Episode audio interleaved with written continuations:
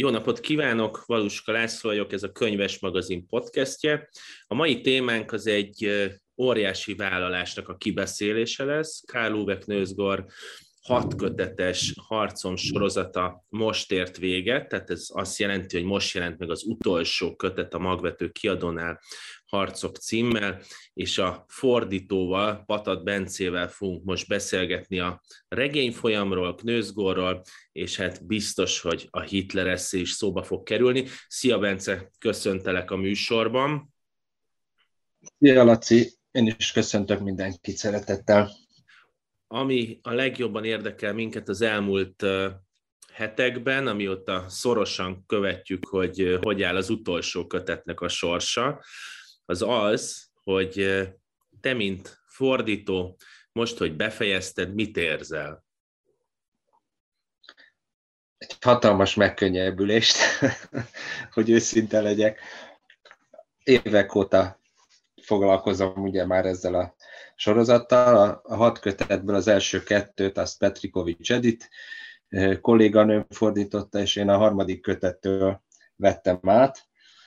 De hát ez is azt jelenti, hogy összességében ezt a, ez a négy kötet, ami, ami nekem jutott, ez összesen egy olyan 2600 oldal, tehát nem csekélység, és, csak, és a négyből a legutolsó az is közel 1100, tehát iszonyatos mennyiségű szöveg, rendkívül egyrészt szórakoztató, másrészt hát sokszínű, egyenetlen, mindenféle értelemben.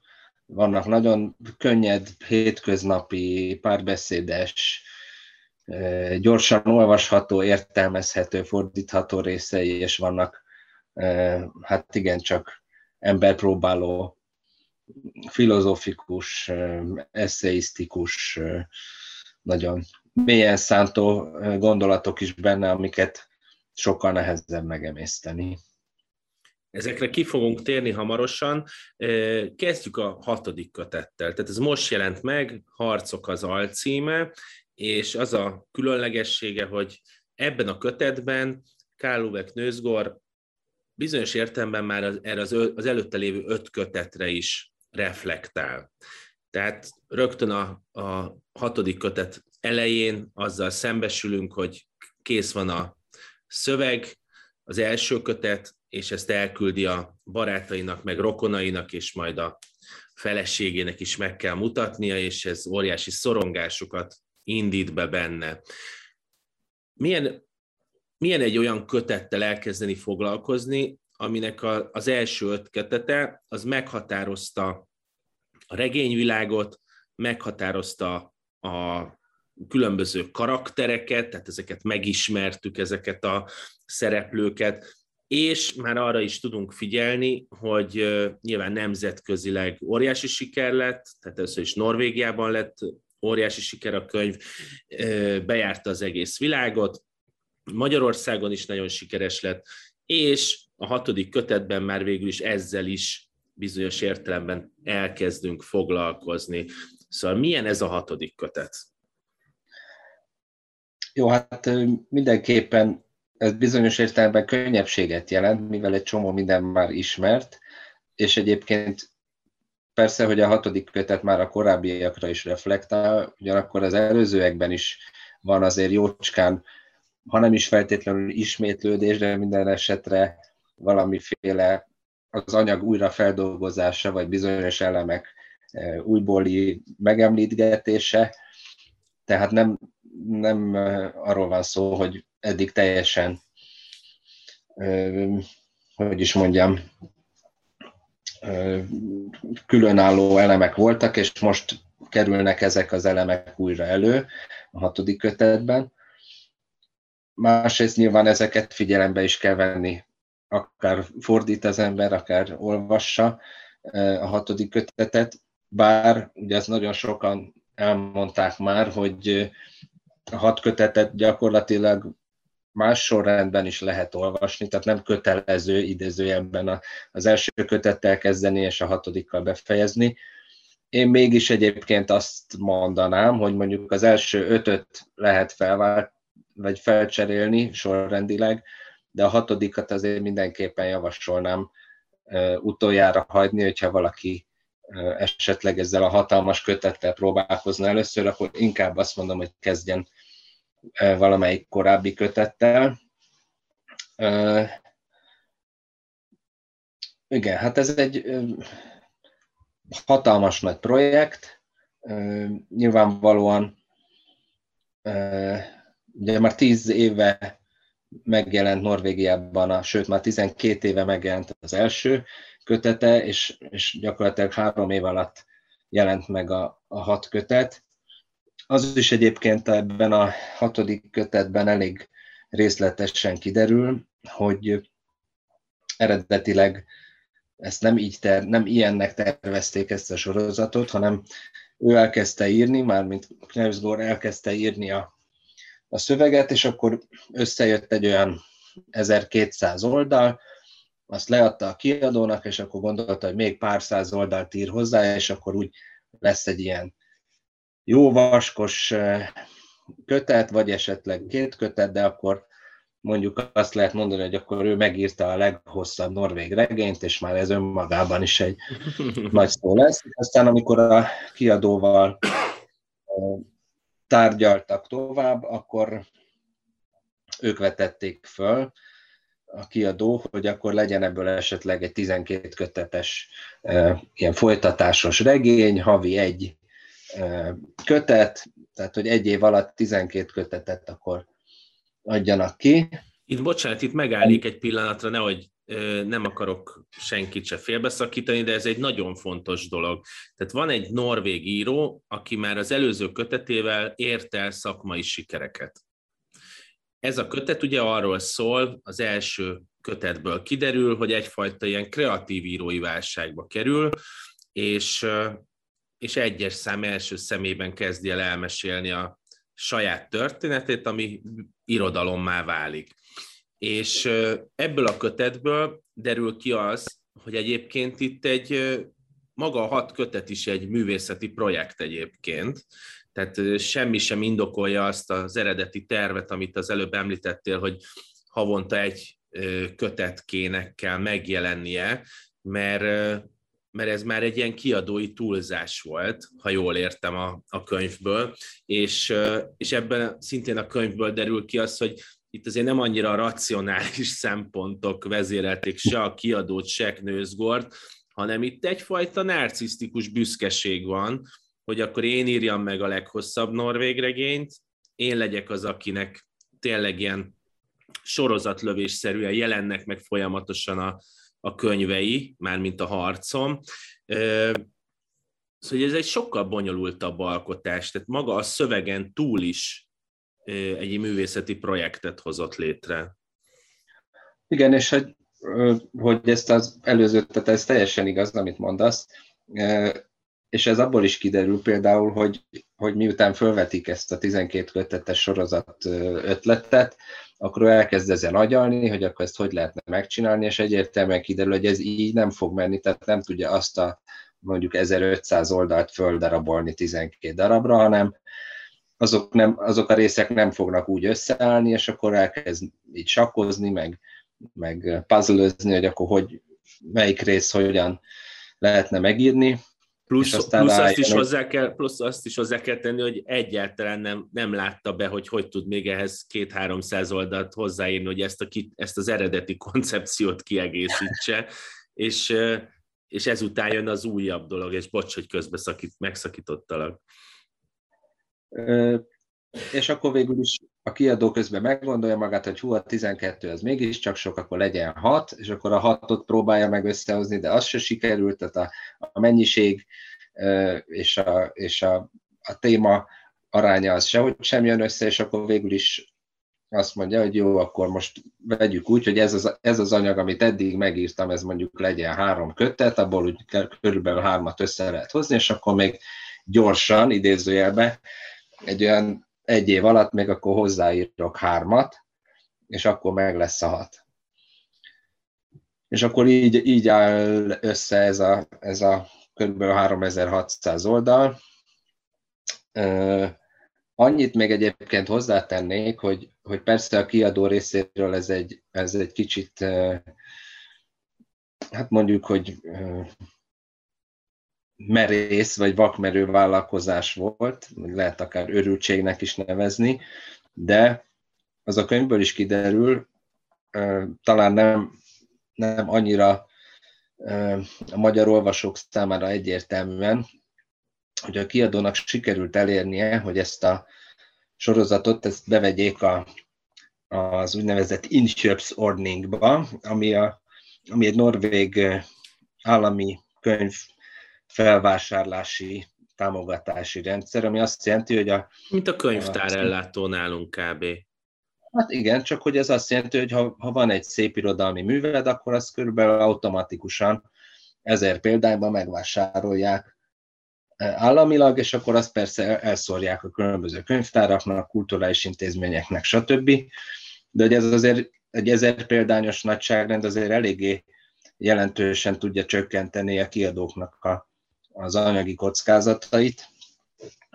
Úgyhogy, eh, és elvileg a, a szabály szerint úgy van, hogy, hogy minden szerzőtől évente maximum egy könyvet lehet belevenni, de valahogy ezt akkor így megoldották, hogy ez a hat ez egynek számítson. Igen, egyébként itt csak, hogy a kedves hallgatók is értsék ezt, tehát egy könyv elkészülténél ugye bejönnek a költségek, amiben benne van a szerzői jogdíjtól, a borító tervezésen és marketingen át minden, és és amikor a boltba kerül, akkor úgy számolják ki, hogy egy ilyen könyv, ha mondjuk megjelenik ezer példányban, akkor tényleg annak az egy kötetnek a bekerülési költségét az szinte finanszírozza az állam, vagy hát ez a könyvtár ellátó, most én ezt így nevezem el, mhm. elnézést, és ugye ez egy nagyon komoly szép irodalmi támogatás, tehát ez, ez nagyon fontos, ez egyébként itthon is rohadt jó lenne, mert nálunk pont fordítva működik, hogy le kell adni bizonyos példányszámokat a könyv mm. megjelenésnél, de, de ezt ők támogatásként használják, és ez azért fontos, mert ebben a, a, a regényben ugye erről szó van a kiadó és Knőzgor között, hogy azért tök megnyugtató az, amikor kiderül, hogy ebbe a rendszerbe bekerül, és hogy ráadásul ennek ugye egy címe van, harcom, de ez hat kötet, amit, uh-huh. amit említettél, és uh, ilyen értelemben nagyon nagy szerencsénk van, hogy ez így összeállt, mert ki tudja, hogy mi lett volna belőle. Nyilván akkor még senki sem sejtette, hogy ebből ilyen uh, jelentős nemzetközi siker lesz. Nyilván örülnek neki, de amikor ez a, ez a hat kötetről szóló döntés megszületett, akkor még nem is álmodott senki erről. A, tennék most itt egy zárójeles folytatást, hogy nekünk a norvég kultúra, meg a norvég irodalom az egyszerre van távol tőlünk, és egyszerre tűnik a, ez a skandináv irodalom egy ilyen sokszor trendi, sokszor nagyon izgalmas irodalomnak, amit egyébként pont a támogatási rendszer miatt szerintem mi a más irodalmakhoz képest sokkal jobban ismerhetünk. Tehát itt gond, most itt a Norvégot ki, kiegészítve az északi uh-huh. irodalommal. De hogy kerültél közel az északi kultúrához, vagy az északi irodalomhoz? Mert ez engem tökre foglalkoztat. Hát ennek igazából van is háttere, meg nincs is. Természetesen Mindennek annyiban, van háttere.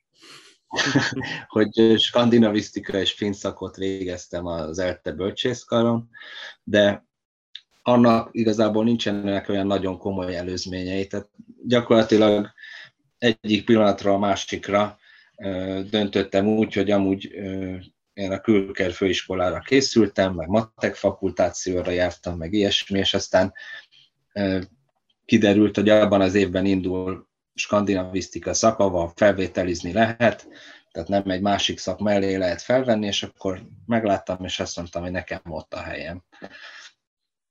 És azóta nem ereszt a gépszi, ha mondhatjuk így. Ezt azért is kérdeztem meg, mert a, hát mondhatjuk azt, hogy a utóbbi húsz év legnagyobb ö, skandináv irodalmi dobása ez talán, tehát művészeti szempontból biztos, meg szerintem példányszámban is nagyon komoly dolgokat ért el. Amikor elkezdted ezt olvasni először, és amikor letetted a hatodik kötet fordítását, és leadtad a magvetőnek, akkor között mennyit és mit tanultál a norvég nyelvről, meg a norvég kultúráról? Vagy Karlove Knőzgorból. Vagy Knőzgorból, igen. De hát kicsit hát kíváncsi vagyok, mert ez egy hosszú igen. folyamat, tehát itt már, itt már lehet arról beszélni, hogy honnan indultál és hova érkeztél meg. Igen, hát tehát nem, nem a, a magvető révén találkoztam a Knőzgor nevével természetesen, tehát ő azért már, ahogy mondtam, 2009-ben megjelent az első kötet, és 11-ben az utolsó, tehát már az is 10 éve volt. Ő azért folyamatosan jelen volt így a közbeszédben, Norvégiában, barátaim, ismerőseim, egyéb ismerettségek révén hallottam róla, nagyon sokan, nagyon sokan tényleg olvasták is. Szerintem nem sok olyan norvég háztartás van, ahol nincs meg legalább egy kötet. Azt nem merném állítani, hogy nagyon sokan végig is olvasták mind a hat kötetet Norvégiában, de legalábbis az, hogy ő ennyire ismert lett, legalábbis a közéletben nagyon ismert figurává vált, abban ugye nagyon fontos szerepe volt annak a botránynak, nehéz ezt máshogy megfogalmazni, amit a, a könyv vagy a könyvsorozat kiváltott. Erről ugye a hatodik kötetben már, vagy ennek az előzményeiről elkezdhetünk olvasni.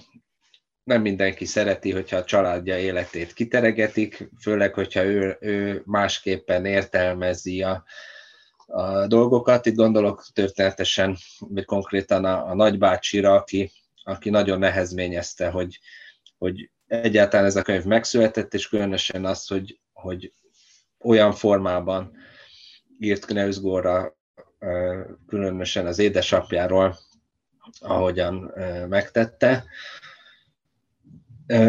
De aztán természetesen más családtagok és ugye érintettek a, ebben az egész ügyben, és, és például a felesége, vagy most már volt felesége, Linda, ő sem feltétlenül mindennek örült, amit olvashatott a kapcsolatukról, vagy, vagy saját magáról. Hát egyébként ezen, ne, ezen nem csodálkozom. Tehát a, a, az, hogy a Knőzgornak az volt a vállalása az első kötetben, hogy egyes szem első szemében leírta a nevét, leírta azt, hogy mikor született, és, és azt elkezdi írni, az, az azt a kérlelhetetlenséget és őszintességet mutatta be, amiről egy ilyen önéletírásnak a lényegén, tehát az egy önéletírásnak szólnia kell, hogy én tényleg most frankón elmesélem az életemet. Az önéletírás ugye az mindig arról is szól, hogy ezeket így kikerekítjük, elhallgatunk dolgokat, úgy emlékezünk, ahogy mi szeretnénk, általában nyilván az ember kedvezőbben emlékezik a, a történeteire a saját nézőpontjával, de Knőzgor ezzel szakít, és saját magáról és mindenkiről is ugyanolyan kegyetlenséggel vagy őszintességgel ír, és pont azt mutatta meg, hogy ebben a hatodik kötetben, hogy, hogy nincsen egy történet, nincsen egy narratíva, nincsen egy, egy család, amit minden tag ugyanolyannak lát meg gondol, hanem ahány féleképpen nézzünk erre a családra vagy személyekre, annyi féleképpen tudjuk elmesélni ezeket a történeteket, és ő, ő erre a nagybácsis történetre azt mondja, hogy oké, okay, de ez az én történetem. Én így láttam az apámat, ezt mondja, és ez egy másik dolog, hogy a, az apa testvére egyébként hogyan látja őt. Tehát ez egy, az, hogy ebből botrány lett, azt tökre értem, azt hogy, azt, hogy ez nekünk, tehát nekem irodalmilag sokkal izgalmasabb ez a probléma, mert nyilván a, a Knőzgor családtól jó messze vagyok, tehát ezzel. Én amikor elkezdtem olvasni a harcom sorozatot, akkor körülbelül annyit tudtam, hogy van egy norvég író, aki tök menő külföldön, és van ez az őrült projektje. Tehát nem az számított, mint mondjuk a, a Best magazinban olvasnánk egy híres magyar családnak a, a magánéletét. És ami még ehhez hozzátartozik, az Linda esete, de erre majd külön szeretnék visszatérni, aki, aki feleségként végigcsinálta ezt a történetet, aki amúgy is ír, azt hiszem tavaly ősszel jelent meg a, a könyve a magyarul. Csak hogy visszatérve, tehát hogy ez a botrány, ez tényleg botrány volt, vagy ez már így a, az utó, utózöngéje ennek a történetnek, mert ezt én nem tudom megítélni, én is olvastam különböző cikkeket, ahol ezeket összeszedik, tudom, hogy erről a Knőzgor nem szívesen nyilatkozik, meg nem nagyon lehet erről kérdezni, de hogy, hogy próbáld már meg érzékeltetni ezt a botrányt, hogy ez egy ilyen a helyi irodalmi lapokban zajló vita volt, vagy a komment szekciókban, vagy ez kinőtte ezt? Nem, ez abszolút az összes országos, meg, meg nem is feltétlenül országos újság ezzel foglalkozott, a tévében, a rádióban, tehát minden fórumon gyakorlatilag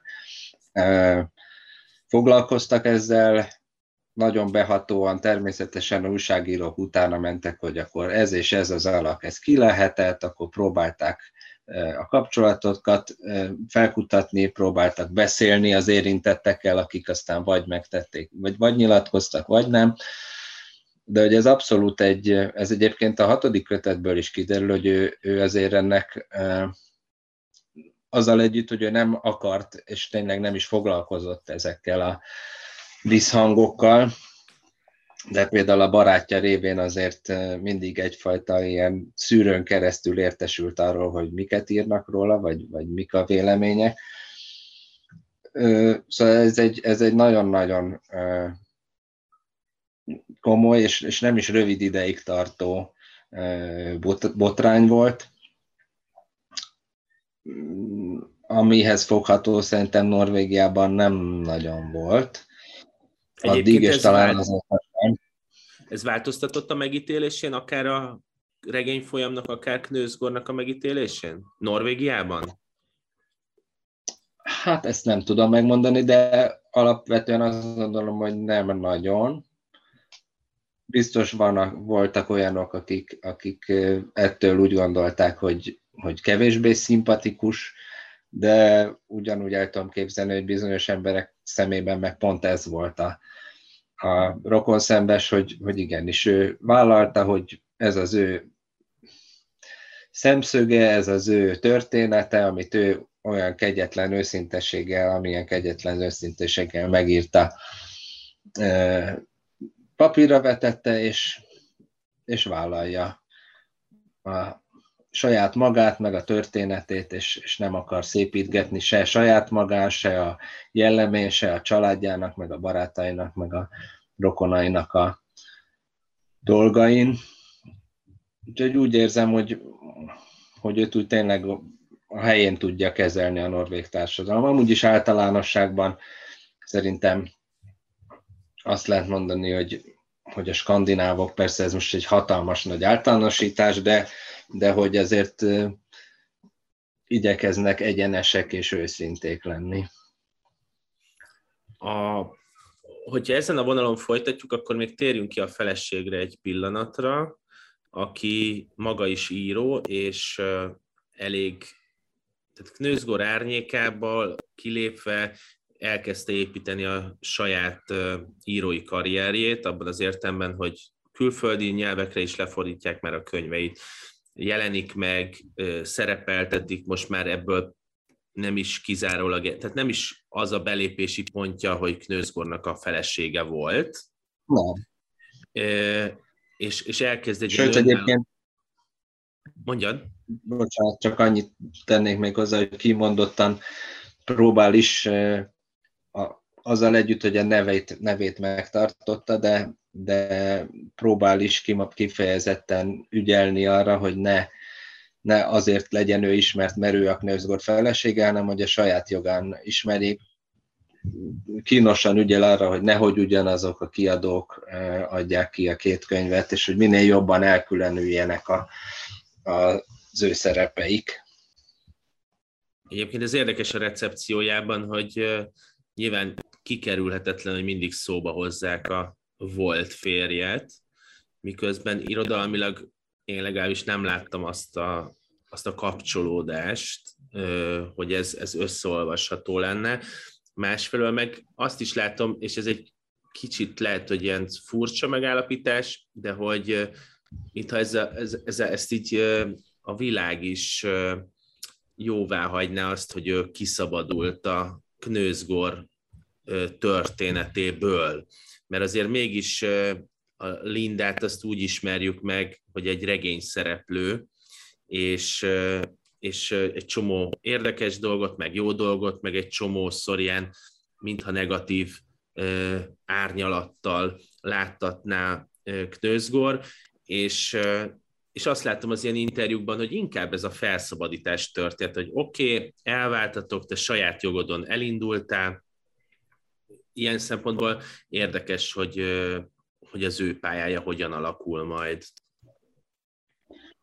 Igen, és hogyha mm, olvastam egy-két interjút Knőzgorral, amikor, amikor mondjuk a Lindáról kérdezik, vagy hogy a Linda mit írt róla ebbe vagy abba a könyvébe. Egyébként lesz, vagy van, van a Lindának újabb könyve, ami szerintem jobban kapcsolódik a, a, a Karlúvés történethez. És Karlúve, mármint a Knezgöró, mindig azzal hárítja el ezeket a kérdéseket, hogy azt ír, amit akar, meg hogy ez az ő, mármint a Linda, és ez az ő szempontja, és hogy ő nem akar ezzel foglalkozni. Tehát, hogy ő két külön személyiség, és, és ítélje meg ki, ki a saját jogán őket. A hatodik kötetnek a, hogyha ilyen lehet ilyet mondani, ilyen marketinges egy mondata az az, hogy ebben szerepel a nagy Hitler eszé. Ugye a sorozatnak az a címe, hogy Harcom, erről a talán az első kötetben már beszél is, hogy hogy alakul ki ez a cím. Szerinted ez egy eredetileg eltervezett koncepció volt, hogy elindul a harcom, és utána lesz az utolsó kötetben egy Hitler eszé. És Ö, hogy kerül ide ez volt. a Hitler eszé? Még ezt is röviden. Jó, tehát nem volt, nem volt eredetileg eltervezve sem az, hogy, hogy lesz benne egy hatalmas Hitler eszé, sem az, hogy ez lesz a címe, ez menet közben alakult ki. Nem is a Karl Uwe Knösgornak az ötlete volt egyébként, és az pedig, hogy, hogy hogy került bele az eszé, ez hát több okból is. Egyrészt a cím miatt, a cím is indokolja, de az is kiderül a könyvből, sőt már talán erre most nem mernék megesküdni, de valamelyik korábbi részben is talán volt egy említés arról, hogy találtak a, az apja halála után, az apja holmia között egy, egy Mein Kampfot, illetve egy, mármint a Mein Kampfnak a norvég kiadását, mm. illetve egy valami náci kitűzőt aminek a sorsa igazából nem derül ki pontosan, hogy akkor ez most hogy került az apjához, valószínűleg nem azért, mert ő bármilyen módon rokon szenvezett volna a nácikkal, hanem nem tudni. Mindegy, ez nem is derül ki. Ez, ez például fontos kapcsolódási pont, és talán nem túl nagy merészség azt mondani, hogy, hogy ugyanúgy, ahogy a, ő a saját sorsáról, életéről, fejlődési útjáról reflektál, ugyanúgy megpróbálja megvizsgálni Hitlernek a, a személyiség fejlődését is. Tehát ebben a 400 oldalban elég jelentős arányban foglalkozik Hitlernek a, a gyerek és fiatal és ifjúsági ö, korszakával, ö, azzal, hogy hogyan vált ő azzá, akivé, akivé vált, és ö, még akár, akár ilyen apró párhuzamokat is lehet felfedezni a, a Hitler családi háttere és a Knözgor családi háttere között. Ez a Hitler kérdés egyébként ugye a Breivik miatt is érdekes kontextus kap, uh-huh. aki ugye egy ilyen, most ezt nem tudom pontosan hányban volt, amikor mm, megölt nagyon tíz sok ember. Tí, most volt tíz éve? Pont tíz éve volt, júliusban, igen. És uh, akit érdekel ez a történet, ugye egy ilyen ifjúsági táborban uh, gyilkolt meg nagyon sok fiatalt. Én a Netflixen láttam erről ilyen dokumentumfilmet, és ugye ez azért érdekes, hogy ez a Breivik, ez folyamatosan visszatér a közéletbe, mindig valami nagyon érdekes ilyen börtönhöz kapcsolódó történettel, hogy nem tudom, nem működik a Playstation-je, vagy, vagy túl kicsi az apartman, amiben él, tehát ez egy ilyen állandó szereplő lesz. De hogy visszatérve Hitlerre, hogy az elején említetted, hogy vannak ezek a szinte egyszerű, életszerű párbeszédek, és vannak a filozófikus, eszéisztikus részek ezekben a regényekben. Ez szerintem uh-huh. senki számára nem meglepő, aki már öt könyvet elolvasott Knőzgortól. Viszont itt emeli a tétet, és, és hiába ez a provokáció a címmel, azért a 400 oldal az egy nagyon komoly szembenézés ezzel, mármint a Mein Kampf-val hogy amikor te fordítóként tudtad, hogy oké, okay, befejeztem az ötödik kötetet, el kell kezdenem fordítani a hatodikat. Akkor elővetted a Mein Kampfot és elolvastad? Mert azt ö, olvastam ilyen interjúkban, hogy ö, utána kellett olvasnod ilyen szakszövegekben is, hogy, ö, hogy ö, mi is van ezzel a könyvvel, ami azért különleges, mert ugye kevés nagyon tabusított könyv van a, a kultúrtörténetben, és most azért nem mondom az irodalmat, mert ez nyilván egy tök speciális könyv, de hogy Abszolút. mennyire volt, mennyire volt nehéz neked, és milyen mélységben tudták közel kerülni a Mein Kampfhoz ahhoz, hogy a, a, az eszét le tudjad majd tökéletesen fordítani. Nem voltam boldog, hogy ezzel különösebben tehát hogy, hogy különösen hosszan kell foglalkoznom. Elővettem a Mein Kampfot, mármint a magyar fordítást, elkezdtem olvasni. Meglepő, de úgy érdekesnek találtam. Előtte nyilvánvalóan soha eszembe se jutott elővenni, de most így, mivel a munkához kapcsolódott, ezért, ezért muszáj volt. És aztán menet közben, miközben már, már fordítottam a, a könyvet, akkor derült ki, hogy, hogy az a fordítás, ami készült még a, talán a 20-as vagy 30-as években, e, az egy jelentősen megkurtított és, és e, egyszerűsített változat, tehát bizonyos helyeken oldalak is hiányoznak belőle, vagy, vagy nagyon le vannak egyszerűsítve mondatok, úgyhogy e, sajnos, vagy nem sajnos, elég sok mindent újra le kellett fordítani. Az eredeti, van egy ilyen új kritikai kiadás, amit néhány éve adtak ki Németországban, tehát az, a, a Mein Kampf idézetek, amik a könyvben szerepelnek, azok az eredeti német verzióból hmm. lettek újrafordítva nem örülök, hogy a nevem ehhez a projekthez ilyen módon is kapcsolódik, de, de hát ez van. Meg kellett csinálni, és, és most ez is benne van. Ezzel együtt nem érzem úgy, hogy olyan nagyon most ez hülyén hangzik, de hogy közel került volna hozzám ez a Mein Kampf szöveg, tehát hogy olyan nagyon alaposan megismertem volna. Talán a, a,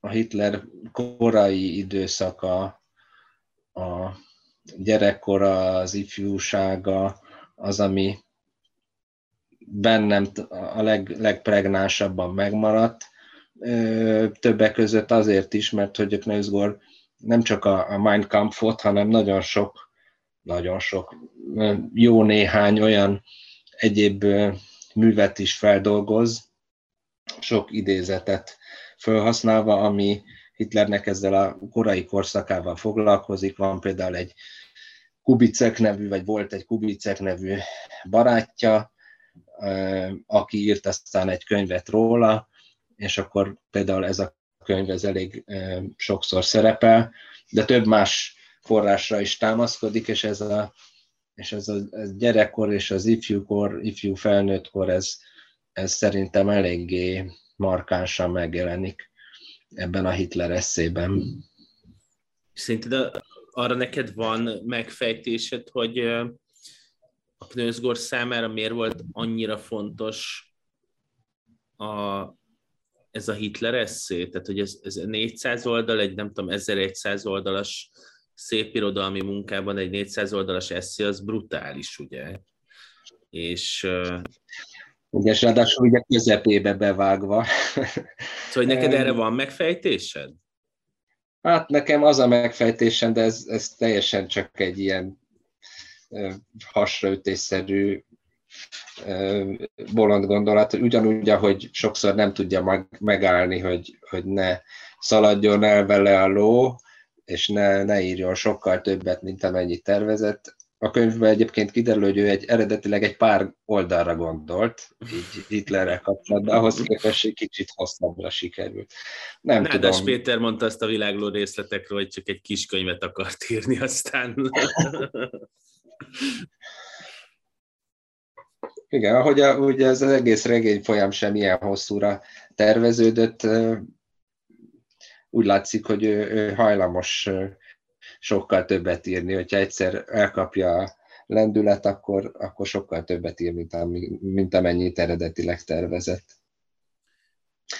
Egy dolgot még eh, hadd mondjak el, vagy nem tudom, hangsúlyozzak, vagy, vagy eh, amire szeretném tényleg úgy fölhívni a figyelmet, hogy szerintem a, a sikerének az egyik tényezője, az ez a nagyon sajátos, hát ugye autofikciónak nevezték el ezt a, ezt a műfajt, ami azért nem egyenlő az önéletrajzírással. Hmm. És szerintem ez az, amit nagyon sokan nehezen, nehezen dolgoznak fel, tehát hogy kvázi jelet tesznek Nevsgor és a könyvben szereplő Karlóve között, ami persze biztos nagy rész helytálló, de mégsem teljesen. Tehát vannak kutatók vagy, vagy irodalmárok, akik például azzal próbálnak foglalkozni, hogy rámutassanak, hogy, hogy mik azok a, az eltérések, amik tényszerűen nem stimmelnek, vagy hogy mik, igen, mik azok az adatok vagy információk, amik tényszerűen nem stimmelnek a könyvekben. És e, talán ez az, ami, ami vagy az egyik, egyik dolog, ami izgalmassá teszi ezt az egészet, hogy egyrészt van egyfajta ilyen kicsit bulvár sajtóba illő vonal, tehát hogy olyan dolgokat tudunk meg egy, egy híres emberről, aki, a, amit gyakorlatilag rajta kívül senki nem tudhat. Másrészt ugyanez az ember nagyon komoly és, és, és magas szintű irodalmat is ír. És még ezzel kapcsolatban azt jegyezném meg, hogy volt, miközben ezt a könyvet fordítottam, megemlít a Knausgård egy svéd szerzőt, illetve két svéd szerzőt, nem nagyon részletesen, de aztán, ahogy utána olvastam, kiderült, hogy ez a 90-es évek végén volt, volt egy, van egy Karina Rydberg nevű svéd nő, aki írt egy gyakorlatilag nagyon hasonló, olyan értelemben nagyon hasonló, hogy egy az önéletrajzán alapuló ilyen autofikciós könyvet, főleg az ő szerelmi viszonyairól, és aztán rá két évvel egy másik svéd szerző, egy Ernst Billgren nevű fickó, Harcom címmel 99-ben írt egy könyvet, ami részben erre a könyvre reagált, és aztán erre a, ez a Rüdben nevű nő megint írt egy másik könyvet, amiben reagált a fickónak a könyvére. És nekem ez, ez, ez is azt mutatja, hogy még maguk az írók sem feltétlenül tudják hova tenni azt, hogy akkor ez most tényleg önéletrajz, vagy, vagy egy kicsit játék a, az önéletrajzzal, és, a, és az autofikció az mennyiben valóság, mennyiben fikció. hogy akár képesek egy könyvet is írni reakcióként hmm. valamire, amit egy másik könyvben olvastak. Ez egyébként, a, amit említesz, ez egy nagyon érdekes játék, mert az elején azt próbáltam meg kihangsúlyozni, hogy ő azt kéri az olvasótól az első kötetben, amikor leírja a nevét, meg a születési évét, meg azt, hogy hány gyereke van, meg milyen helyzetben kezd beszélni, hogy az egy felhívás arra, hogy ezt kvázi önéletírásként uh-huh. olvassuk abban az értelemben, hogy azonosítjuk a, a könyvre írt szerzői nevet azzal a névvel, akiről szól a, a történet, tehát aki az elbeszélő, és, és a játék maga, vagy a játék kerete, pályája az ez, és ebben ő hogyan távolodik el a valóságtól, az nekem azért bizonyos értelemben érdektelen, és ezt, ezt így kell mondanom, mert, uh-huh.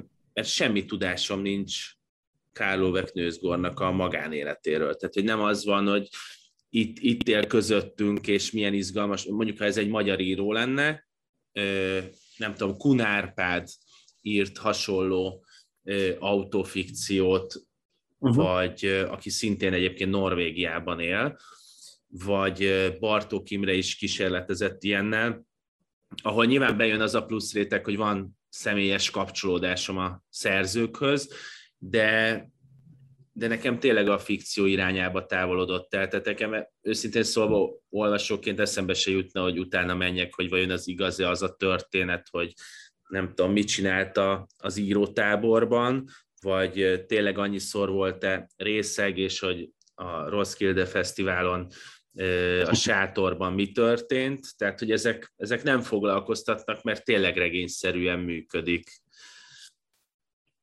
És, és mondom, tehát az, hogy ezt a vibrációt a kettő között, tehát a valóság és a fikció között, ezt így fent tudja tartani tényleg hat köteten keresztül, ez szerintem minden, mindennél többet ér. Igen, ezt a... csak azért akartam mondani, hogy, hogy mert hajlamos az ember pont azért, mert annyira életszerű és annyira őszinte, vagy őszintének tűnő ez a szöveg, hogy, hogy teljesen az ember hajlamos azt mondani, hogy oké, okay, Karl Uwe Knözgor írt hat könyvet saját magáról, és minden, ami benne van, az úgy van. Hát nem feltétlenül úgy van, de végülis ennek tényleg nagy jelentősége nincsen, hogyha ez a szöveg így megáll egymagában, és úgy tűnik, hogy igen. Egy utolsó kérdést szeretnék neked feltenni. Most megpihensz a Knőzgór életműben. De olvastuk már a híreket, hogy egy újabb nagy vállalkozása van a mesternek, ami, ami több kötet lesz, hogy csak a harcomba fáradtál bele, vagy Knőzgór nyelvébe is?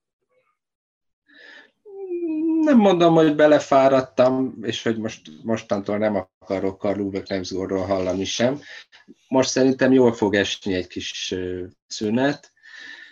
A mester egyébként azóta, ugye már tíz év telt el, az utolsó kötet megjelenése ott a Norvégiában, azóta ő már kiadott egy négy részes évszakok,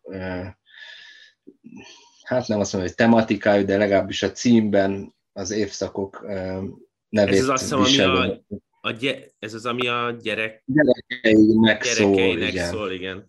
De hogy most valamikor egy pár hónapja olvastam azt, hogy eh, már érlelődik egy gondolat a fejében, ami lehet, hogy nem egy kötet lesz, hanem több, és ez egy új, új regény folyam lehet. Igen, tehát van, az, van ez a négy részes, ami egyébként meg fog jelenni a, a magvető kiadónál.